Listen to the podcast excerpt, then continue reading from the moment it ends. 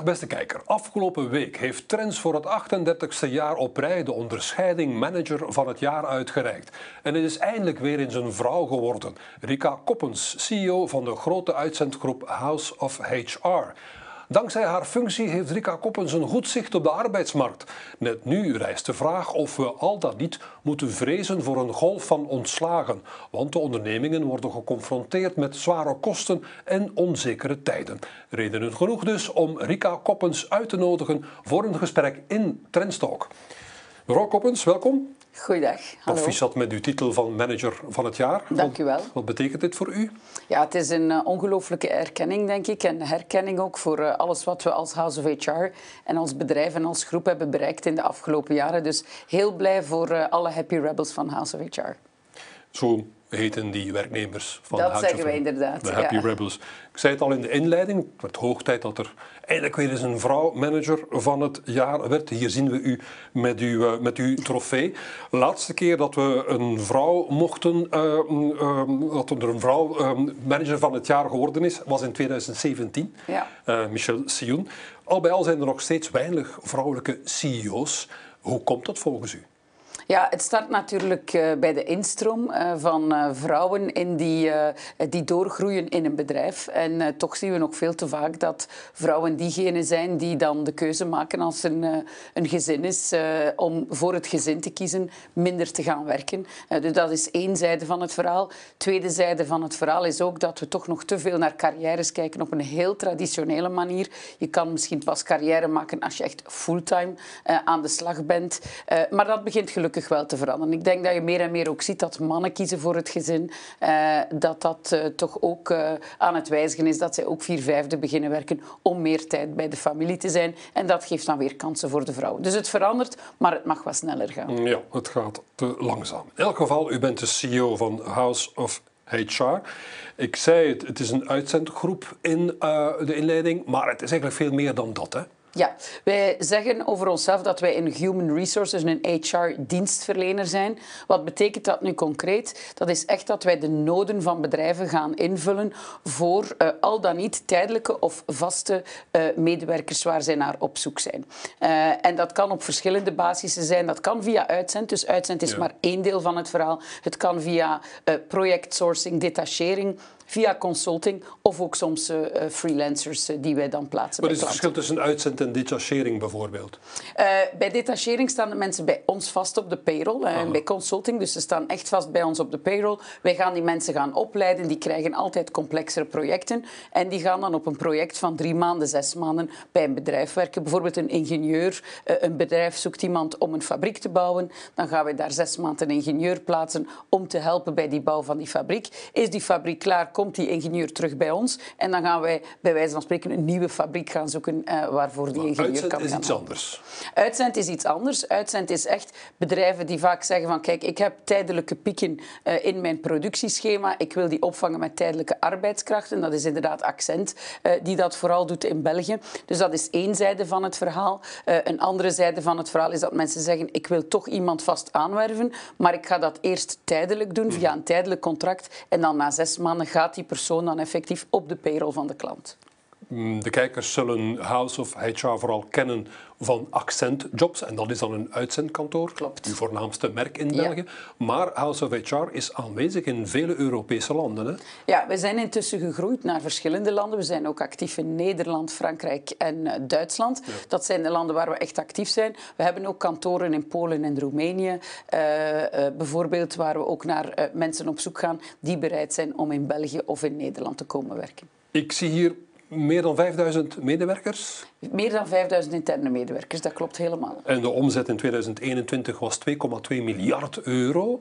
Hoeveel zal het geworden zijn in We 2022? gaan richting de 3 miljard. Richting de 3 miljard. Dat is Ja, geen we hebben klein 16 bedrijf. overnames gedaan in 2022. Dus uh, dat heeft ook een deel van die groei uh, gerealiseerd. In trends van deze week staat dat uh, House of HR de nummer 9 is in Europa. Hoe houdt u stand tegenover grote spelers als um, Randstad en Adecco? Dat komt blijkbaar omdat House of HR focust op meer gespecialiseerde werknemers. Ja, wij vergelijken ons ook niet altijd met Randstad en Adecco. Ik weet dat dat uh, heel vaak gebeurt, omdat dat echt groepen zijn die heel veel focussen op uitzend, wat we daarnet uh, vertelden. Ja. Uh, maar wij gaan iets anders te werk. We hebben ook heel veel bedrijven die veel gespecialiseerder zijn. Zowel bijvoorbeeld in logistiek of transport, maar ook ingenieurs. wij stellen ook juristen te werk, actuarissen.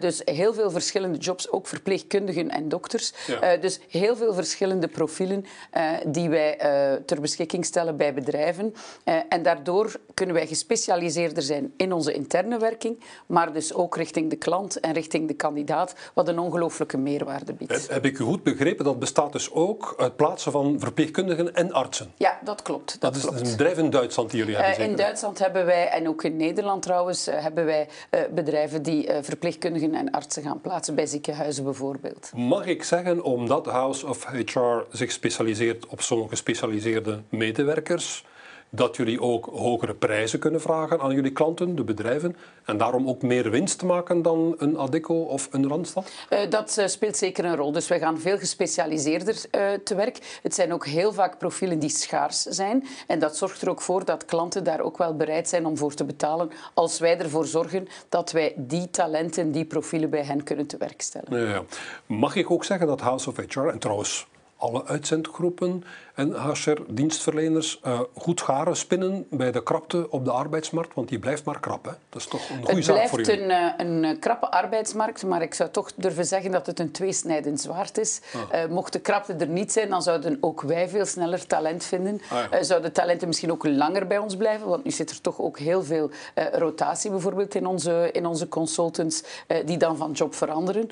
dus dat is allemaal omwille van die krapte op de arbeidsmarkt. Maar terzelfde tijd zorgt die krapte op de arbeidsmarkt ervoor dat onze klanten, de bedrijven zelf, moeilijk talent vinden. En dat ze dus veel sneller naar een bedrijf zoals het onze zullen komen om te zeggen: help ons alsjeblieft, wij hebben mensen nodig. Nu, uh, die krapte op de arbeidsmarkt die vermindert maar niet door de vergrijzing uiteraard, maar uh, er is ook de vertragende economische groei anderzijds.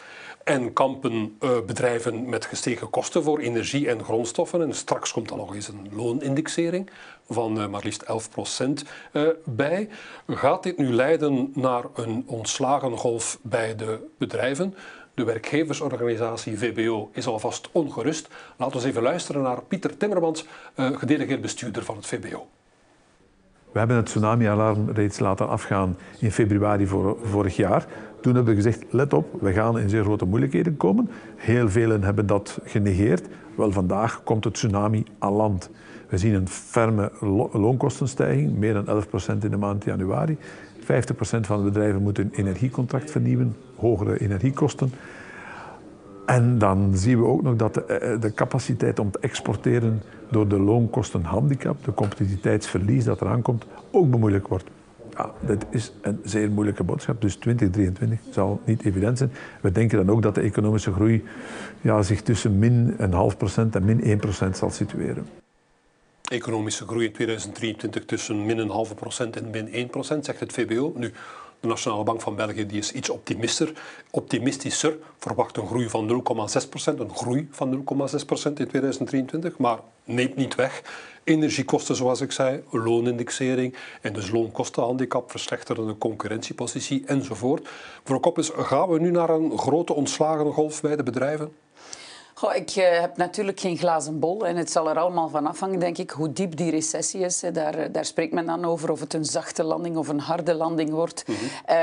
um, maar uh, het punt is wel dat uh, op niveau van de arbeidsmarkt, hè, en dan spreek ik niet, niet zozeer over, over recessie as such, maar puur over wat gaat dat nu doen met het aantal arbeidsplaatsen in België, dat we nog nooit van een lagere werkloosheid vertrokken zijn en van een hogere vacaturegraad zoals dat op vandaag is. Hè. 40 jaar geleden de laatste keer dat we zo'n grote inflatiegolf hadden, uh, dan zijn we met veel hogere uh, werkloosheidscijfers gestart en veel lagere vacatures. Het uitgangspunt is nu dus beter. het uitgangspunt is nu veel beter. Ja. En als ik dan recente enquêtes uh, heb bekeken ook van bedrijven en, en hiring intentions, de intenties van bedrijven om mensen aan te werven, dan zegt 50% van de bedrijven eigenlijk van wij gaan niks veranderen aan ons personeelsbestand. Ja. En 30% zegt wij gaan aanwerven en 20% zegt wij gaan stoppen. Dus dat betekent toch dat 80% van de bedrijven toch nog altijd dat personeelsbestand wil behouden. En die krapte speelt daar zeker een rol. Als je goede mensen hebt, dan hebben bedrijven echt wel die intentie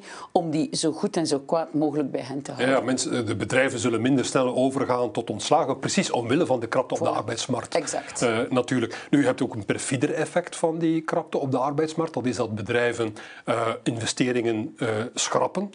Ze zeggen bijvoorbeeld, ja, waarom zouden wij ons machinepark moeten uitbreiden, want we vinden toch geen operatoren. Hoort u dat bij uw klanten ook, die zeggen, ik ga, doe geen investeringen meer, want ik vind toch geen personeel?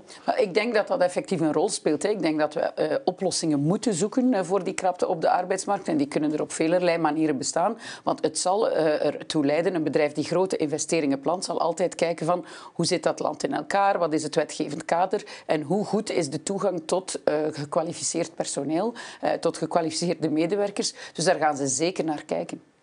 Als we geen mensen vinden hier, dan moeten we misschien werknemers in het buitenland gaan zoeken. En dat is alvast wat ze gedaan hebben bij koffiebranderij Beiers in Puurs. Laten we eens even kijken naar een fragment uit het journaal van Kanaal Z van vorige week. My name is Kasia. I'm from Poland. I work uh, in Bayer's Coffee uh, for months, so it's uh, it's beginning. Uh, I really like this job. Uh, I uh, come here because I wanted to try something new. Kasia verliet samen met haar Poolse vriend het thuisland om hier bij ons aan de slag te gaan bij Beiers Koffie. De grootste koffiebrander van ons land krijgt zijn vacatures maar niet ingevuld en gaat daarom tot ver over de grens op zoek naar nieuw talent. Beiers Koffie is momenteel sterk aan het groeien, ehm, waardoor wij een tekort hebben aan operatoren dat tekort aan operatoren zijn wij gaan zoeken bij onze specialist ASAP. Wij ingeschakeld om ook buitenlandse werknemers uh, aan te werven als operatoren. En momenteel hebben wij al negen buitenlandse operatoren bij ons werken. Dat is al 15% van ons aantal operatoren. Ja, 15% van het aantal operatoren bij Beiers komt uit het buitenland. Vragen uw klanten ook om kandidaat in het ja, buitenland absoluut. te zoeken? We hebben ja. daar ook oplossingen voor. We hebben ah, ja. uh, in België, Accent heeft een gespecialiseerd netwerk uh, met, die gespecialiseerd zijn met buitenlandse arbeidskrachten. En wij hebben zelf ook kantoren in Polen en Roemenië, zoals ik daarnet noemde, voornamelijk om buitenlandse arbeidskrachten te overtuigen om naar België of Nederland of Duitsland te komen, om hier de vacatures te helpen invullen. u zegt overtuigen, want ik kan me inbeelden dat toch taalbarrières spelen, culturele barrières, nee? Uh, die zijn er in zekere mate, maar wij merken wel dat omwille van die krapte op de arbeidsmarkt, en het was ook getoond in het filmpje, dat werkgevers bereid zijn om die kloof te overbruggen en om echt op manieren na te denken van hoe kunnen wij die mensen toch integreren in ons bedrijf, bijvoorbeeld door een volledige ploeg samen te stellen van Poolse medewerkers uh, met ook een, uh, een Poolse leider, een, een, leidinggevende die ook Pools spreekt, zodanig dat dat toch kan verder draaien binnen die equipe. Dus wij merken dat werkgevers echt bereid zijn om daar uh, uh, moeite voor te doen om dit te doen slagen. En dat is dus ook een tak binnen uw activiteiten die aan het groeien is? Ja, dat is zeker een tak die aan het groeien is. Het is zelfs zo dat bij ons uh, binnen Accent het ongeveer 25% is van de mensen die wij plaatsen, zijn van buitenlandse origine. Ja, ik kan mij inbeelden dat het niet zo gemakkelijk kan zijn, want vele andere Europese landen zullen ook wel met arbeidsmarktkrapte kampen. Hè? Wel, we zien dat dit probleem zich uh, inderdaad aan het verplaatsen is. Uh, ja. Bijvoorbeeld als ik Polen neem, is die kloof, die loonkloof, is kleiner en kleiner aan het worden. Uh, de Loonse overheid ziet ook dat er veel te veel mensen uit Polen vertrokken, jonge mensen. en wat ze daarvoor gedaan hebben, is het belastingregime aangepast, zodanig dat jongeren minder belasting moeten betalen om ze toch maar in Polen te houden. En wat je dan ziet, is dat Polen hun arbeidsmarkt aanvult, bijvoorbeeld met mensen uit Oekraïne enzovoort en zo verder. Dus het probleem is zich aan het verplaatsen. En uiteindelijk gaan we effectief naar andere landen moeten kijken om die uh, schaarste op te lossen. Ook eventueel landen buiten Europa dan? Ook buiten Europa, maar we kunnen het ook dichterbij zoeken. Hè. We hebben ook in Wallonië een heel grote werkloosheid. Uh, en ik denk daar uh, dat het wetgevend kader ook nog heel wat kan doen om bijvoorbeeld die uitwisseling tussen werkzoekenden in Wallonië en die vacatures in Vlaanderen, om daar een, een betere oplossing voor te vinden. Want daar is nog altijd een probleem, hoor ik u zeggen. Ja, daar is de werkloosheid een heel stuk hoger, ook in Brussel is dat nog altijd het geval. Mm -hmm. uh, ook uh, jongerenwerkloosheid blijft, uh, blijft heel hoog. en dus daar kunnen we zeker ook binnen ons land naar oplossingen kijken. We kunnen ook kijken naar achtergestelde groepen. Ja. om het tekort aan werknemers op te lossen? Vaak denken we dan aan mensen met allochtone achtergrond, mensen met een beperking. Maar uit een recente studie van de Universiteit van Gent bleek dat de voornaamste discriminerende factor op de arbeidsmarkt de leeftijd is. 50-plussers hebben ongeveer de helft minder kans om een job te krijgen. Is dat ook wat u ziet op het terrein? Uh, ja, dat is uh, spijtig genoeg wel uh, wat, we, wat we vaststellen. En daar proberen we ook een oplossing voor te voorzinnen. wij hebben binnen House of HR een bedrijf dat Sixy heet. -huh. We hebben opgericht samen met drie politici van verschillende strekkingen. om effectief mensen die 60 jaar zijn nog aan een job te helpen. het zijn vaak mensen die al gepensioneerd zijn. en die we dan toch proberen aan de slag te houden. Opnieuw ook om een oplossing te vinden aan de ene kant voor die arbeidsmarktschaarste. Maar aan de andere kant ook, het zijn mensen die echt nog goesting hebben om te werken. Ja. En om daar, uh, om daar ook een antwoord voor te bieden. Zij hebben goesting, die 60-plussers, maar geraken ze dan ook op die manier aan een job?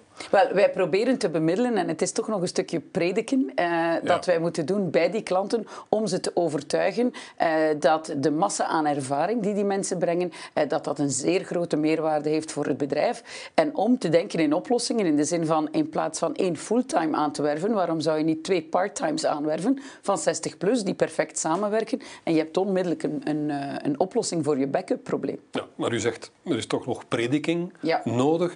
Die, die redenen om uh, 50-plussers te discrimineren, uh, de argumenten zijn daar, uh, ze zouden te duur zijn, ze zouden niet flexibel genoeg zijn, ze zijn traag, ze leren traag bij. Waaraan ligt het volgens u? Ja, het zijn een stuk stereotypen natuurlijk die vaak als excuus gebruikt worden. Uh, het stukje te duur, daar zit wel een stuk, uh, een stuk van waarheid in. Ik denk dat wij als maatschappij, als wij willen dat mensen met z'n allen langer aan de slag blijven, uh, en daar gaat het ook naartoe, en gegeven de veroudering, gaan we toch dat hele arbeidsmarktdenken moeten veranderen. En ook het denken in traditionele carrières, waar iedereen constant promotie moet blijven maken, altijd maar meer en meer moet verdienen. dat gaat niet meer als we allemaal langer moeten Want ja, we gaan er moeten mee geconfronteerd We gaan ook minder productief worden op een bepaalde leeftijd. Uh, dus ik denk, we moeten af van dat traditionele denken. En dat zal ook een stukje van de stress van veel mensen wegnemen. Hè. Het feit van, ik moet hier constant promotie maken, ik moet over vijf jaar met een grotere wagen rijden. Uh, dat leidt tot heel veel stress bij mensen. En dat leidt dan ook weer tot uitval en uh, meer langdurig zieken. Waarom? Wel, omdat die druk zo groot wordt. Ja. Hè, en, uh, en, mensen kunnen daar niet altijd mee om. Of vinden dat ze dan te weinig uh, performen. Of vinden dat ze toch harder moeten werken om die promotie toch te halen. Terwijl dat misschien niet is wat iemand gelukkig maakt. Ja. Nu, ik, uh, in mijn directe omgeving maak ik gevallen mee van mensen die perfect tweetalig zijn, die om kunnen met digitale tools, die bakken ervaring hebben, die altijd in de laatste sollicitatieronde geraken, maar dan op het nippertje helemaal op het laatste eruit vallen omwille van dat cijfer 5 in hun uh, leeftijd, laat staan cijfer uh, 6. Maar wat het probleem vaak is, als ik dat zo zie, het blijft een beetje onder de radar, is dat zo'n jongere ondernemer of zo'n jonger afdelingshoofd um, vaak gewoon uh, te bang is om overklast te worden mm -hmm. door zo'n frisse vijftiger met veel ervaring. Ligt, ligt daar het kalf ook niet gebonden? Daar ligt ook een stuk van, uh, van het probleem natuurlijk. En vandaar dat ik ook spreek over prediken. Hè. Het is ja. uh, mensen binnenbrengen met veel ervaring. en en dat, is niet, dat hoeft niet noodzakelijk bedreigend te zijn. ik zelf persoonlijk laat me graag omringen door mensen die meer weten dan ik zelf. Dan moet ik zelf minder weten. Hè. Dus, ja. ja. Ja. Maar er is nog altijd prediking nodig. Is dat ook het geval voor die discriminatie van andere groepen. Ik zei het al, uh, mensen met allochtone achtergrond, mensen uh, met een beperking. Verbeteren die kansen van die mensen al op de arbeidsmarkt? Ik denk dat er meer en meer bewustzijn is uh, dat we daarvoor moeten openstaan. En gelukkig helpt de krapte op de arbeidsmarkt om de oogkleppen te laten afvallen wat dat betreft. En ja. ik denk dat dat ook gaat gelden voor mensen die ouder zijn. Die krapte op de arbeidsmarkt gaat absoluut helpen. Wij moeten iedereen aan de slag krijgen. Willen wij die productiviteit en die economische groei in ons land uh, blijven bestendigen.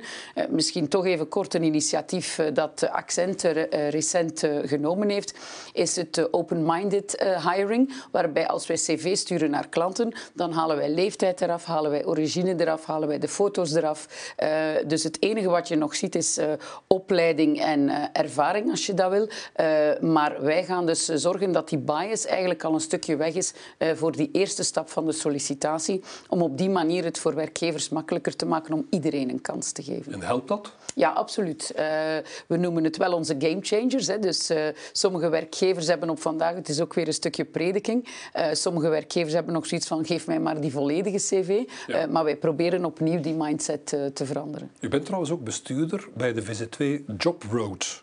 Dat is een organisatie die kwetsbare mensen helpt integreren in de arbeidsmarkt. Ja, klopt. Uh, we zijn daarmee gestart in 2016, op het moment van de, van de vluchtelingencrisis, 2017. Ja. Uh, om te zeggen van kijk, die mensen komen hier aan, waarom zouden die niet kunnen ingezet worden in de arbeidsmarkt? En laat ons helpen om uh, ondernemingen in contact te brengen met die mensen, maar ook met alle instanties, overheidsinstanties, die zich daarmee bezighouden. het, het is voor ondernemers vaak een grote drempel om naar die instanties zelf te stappen. Ook omdat het vaak uh, een, een, doolhof is van hoe vind ik hier mijn weg in. En dan proberen wij daarin te bemiddelen. Dus we zijn gestart met vluchtelingen. Ondertussen doen we ook ex-gedetineerden uh, die we helpen aan een job om terug te integreren in de maatschappij. Ja. Er wordt ook steeds meer gesproken over het uh, activeren van langdurig zieken. In België zijn er blijkbaar meer langdurig zieken dan uh, werklozen. Is dat ook iets voor de, de, de HR-dienstverleners of is dat al verder van u? Uh, nee, het is absoluut iets waar, uh, waar we mee bezig zijn. Ik, ik uh, ben ook deel van de sectorfederatie Federgon. en het is ook iets wat daar op de tafel ligt van hoe kunnen wij als HR-dienstverlener daar een rol in spelen om die mensen te activeren. Wat wij wel merken binnen JobRoad is dat elke doelgroep heeft wel een andere aanpak nodig. Hè. De aanpak voor mensen met een, een migratieachtergrond is anders dan de aanpak uh, voor uh, wat ze dan noemen justitiabelen, mensen die uh, uit, het, uit, de gevangenis komen bijvoorbeeld.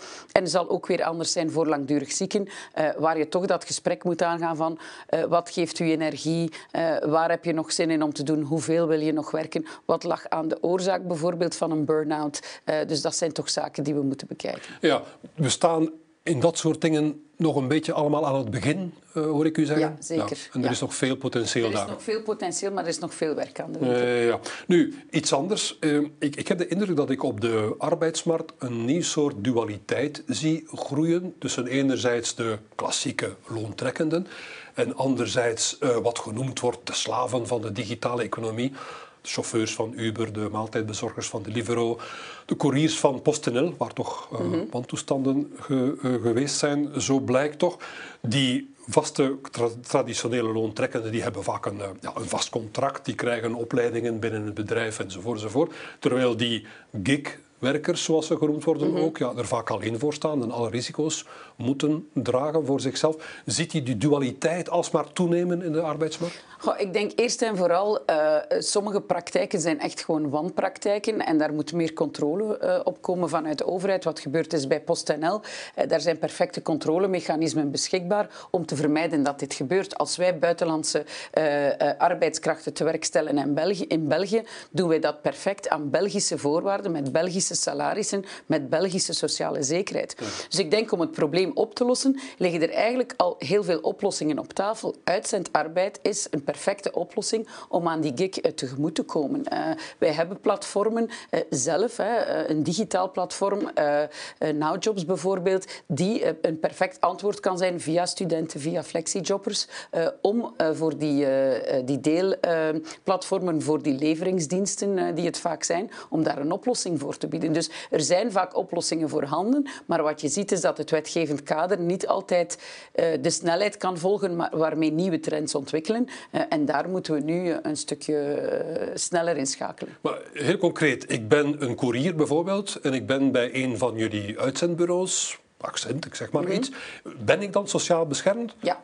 Ja, absoluut. Uh, wij betalen gewoon, uh, wij betalen sociale zekerheid. Uh, wij betalen alle salarissen conform uit met de minimumvoorwaarden. Dus het is ook niet variërend of je nu in een piekenlevering moet doen of in een, een dallenlevering doen. De loonvoorwaarden zijn perfect transparant en er is ook een contract dat aan de basis ligt. Ja. In een interview met Trends vorig jaar zei u meer flexibiliteit zal de krapte op de arbeidsmarkt helpen oplossen. Dus u zegt dus eigenlijk, onze arbeidsmarkt heeft een dosis flexibiliteit nodig. Uh, ik denk dat die flexibiliteit nodig is, omdat dat ook een vraag is van de mensen zelf. Ah. Uh, mensen zelf zijn op zoek naar meer flexibiliteit. Ik denk niet dat het zo is dat mensen noodzakelijkerwijs minder willen werken, maar mensen willen vaak uh, werken op momenten dat het hen goed uitkomt. En dat heeft ook te maken met de evolutie in de maatschappij. een eenoudergezin bijvoorbeeld, week heb je de kinderen, een andere week niet. dus met andere woorden, in de week dat je de kinderen niet hebt kan je, kan je meer werken ten opzichte van de week dat je de kinderen wel hebt. Uh, en daar kan flexibiliteit zeker een oplossing bieden. Ook voor verpleegkundigen op een of andere manier hebben wij het in ons hoofd gestoken dat werken dat dat moet tussen 9 en 5. Uh, eh, maar niks die zegt dat dat voor elke job het geval is. Dus je kan daar veel flexibeler mee omgaan. En we zien dat ook bij verpleegkundigen bijvoorbeeld, dat zij toch naar flexibele regimes beginnen grijpen, omdat zij het niet leuk vinden om nu al te weten dat ze met kerst 2023 moeten werken. Maar als je het bevraagt bij veel verpleegkundigen en zegt van wil u meer werken, dan is het antwoord vaak ja. Oh. Uh, verpleegkundigen die vast in dienst zijn. Maar flexibel werken dan? Maar dan wel veel meer uh, kunnen kiezen wanneer ze werken, hoe laat ze werken, op welke tijdstippen. en sommige momenten zouden ze zeggen, nu heb ik toch niks anders of er is geen feest, geen familiefeest dit weekend. Dus ik kan evengoed een, paar, een paar uur werken. en andere weekends komt het slechter uit. Ja, ik heb zo de indruk dat die arbeidsmarkt helemaal aan het veranderen is. Hè? Uh, er is veel meer nood aan flexibiliteit. Mensen denken veel meer na, ook welke job wil ik gaan doen.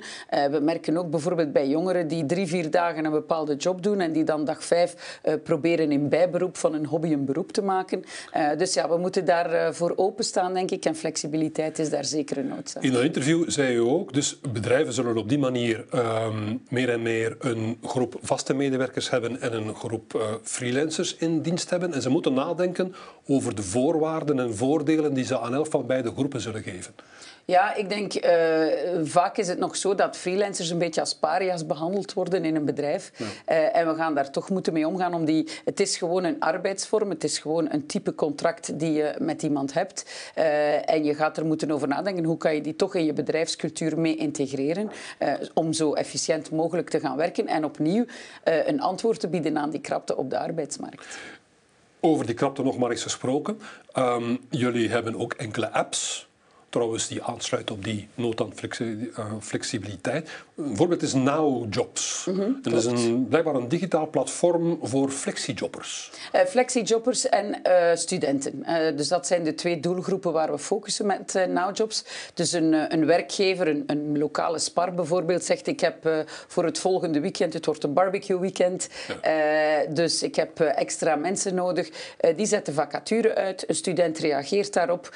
in de achtergrond, als de beiden akkoord zijn, wordt het contract automatisch aangemaakt. Student gaat werken en nadat de shift is afgelopen, een uur later staat het geld uh, op de rekening. Uh, dus uh, gegarandeerd. En studenten kunnen dan eigenlijk gewoon kijken van wanneer komt het mij uit om te werken. Ik heb centen nodig om naar een festival te gaan. dus ik ga de komende dagen een beetje werken. En dan gaan zij gewoon op het platform kijken welke jobs beschikbaar zijn. En er is dan ook nog Swap. En dat is een app die alle vacatures samenbundelt. Ja, dat is wat men uh, noemt een uh, jobboard, hè, waar we inderdaad alle vacatures gaan tonen.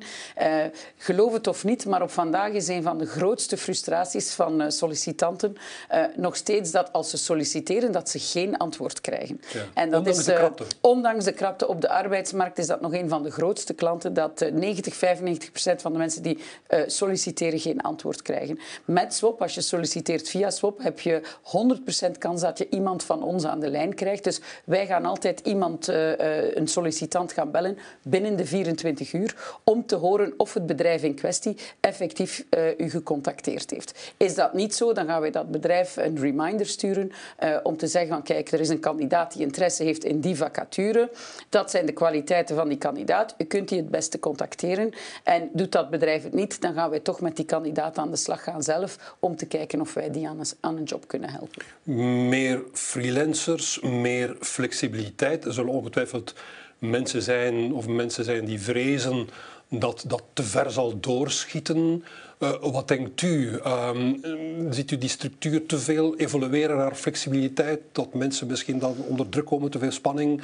Wat, wat, wat denkt u? Ik denk de, de, de krapte op de arbeidsmarkt is, is dusdanig dat, uh, dat de meeste mensen zich daar niet zoveel zorgen over maken. Ik denk dat er absoluut werk is voor wie wil werken. Ja. Uh, en het is aan ons om daar antwoorden op te bieden, om mensen sowieso zo lang mogelijk aan de slag te houden. Die demografische evolutie is er sowieso. Het, we gaan naar een structureel arbeidstekort. Dus alles wat we kunnen doen om ervoor te zorgen dat mensen willen werken, dat ze kunnen werken eh, en om dat te faciliteren, denk ik, moeten we met beide handen uh, aangrijpen. Maar de klassieke job met vaste uren en vast contract, dat verdwijnt voor goed Dat verdwijnt uiteraard niet. Ik denk dat alle systemen naast elkaar zullen bestaan uh, en misschien kiezen mensen ervoor om voor 80% van hun tijd effectief een vast contract te hebben en 20% gaan ze los of vrij invullen, afhankelijk van beschikbaarheid. Dus ik denk dat het absoluut niet zo binair is dat mensen nu massaal hun vaste job gaan opgeven, dat niet. Het wordt in ieder geval een interessante evolutie en we zullen het verder opvolgen.